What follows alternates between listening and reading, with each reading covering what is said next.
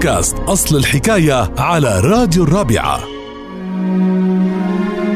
أصل الحكاية لليوم عن اسم أنا أول ما سمعته ما عرفت شو معناه. سمعت على نفسها جنت براقش.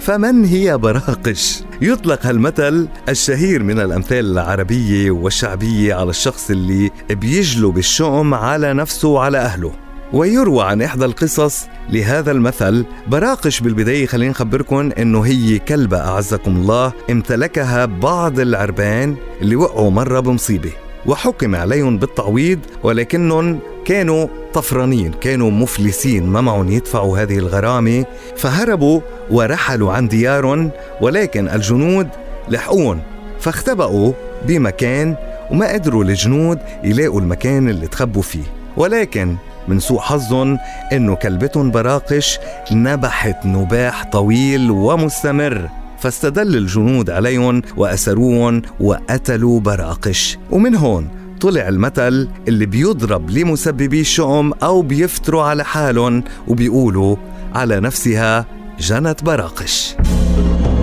لتتعرفوا على مزيد من أصل حكايات الأمثال تابعونا على بودكاست الرابعة أصل الحكاية.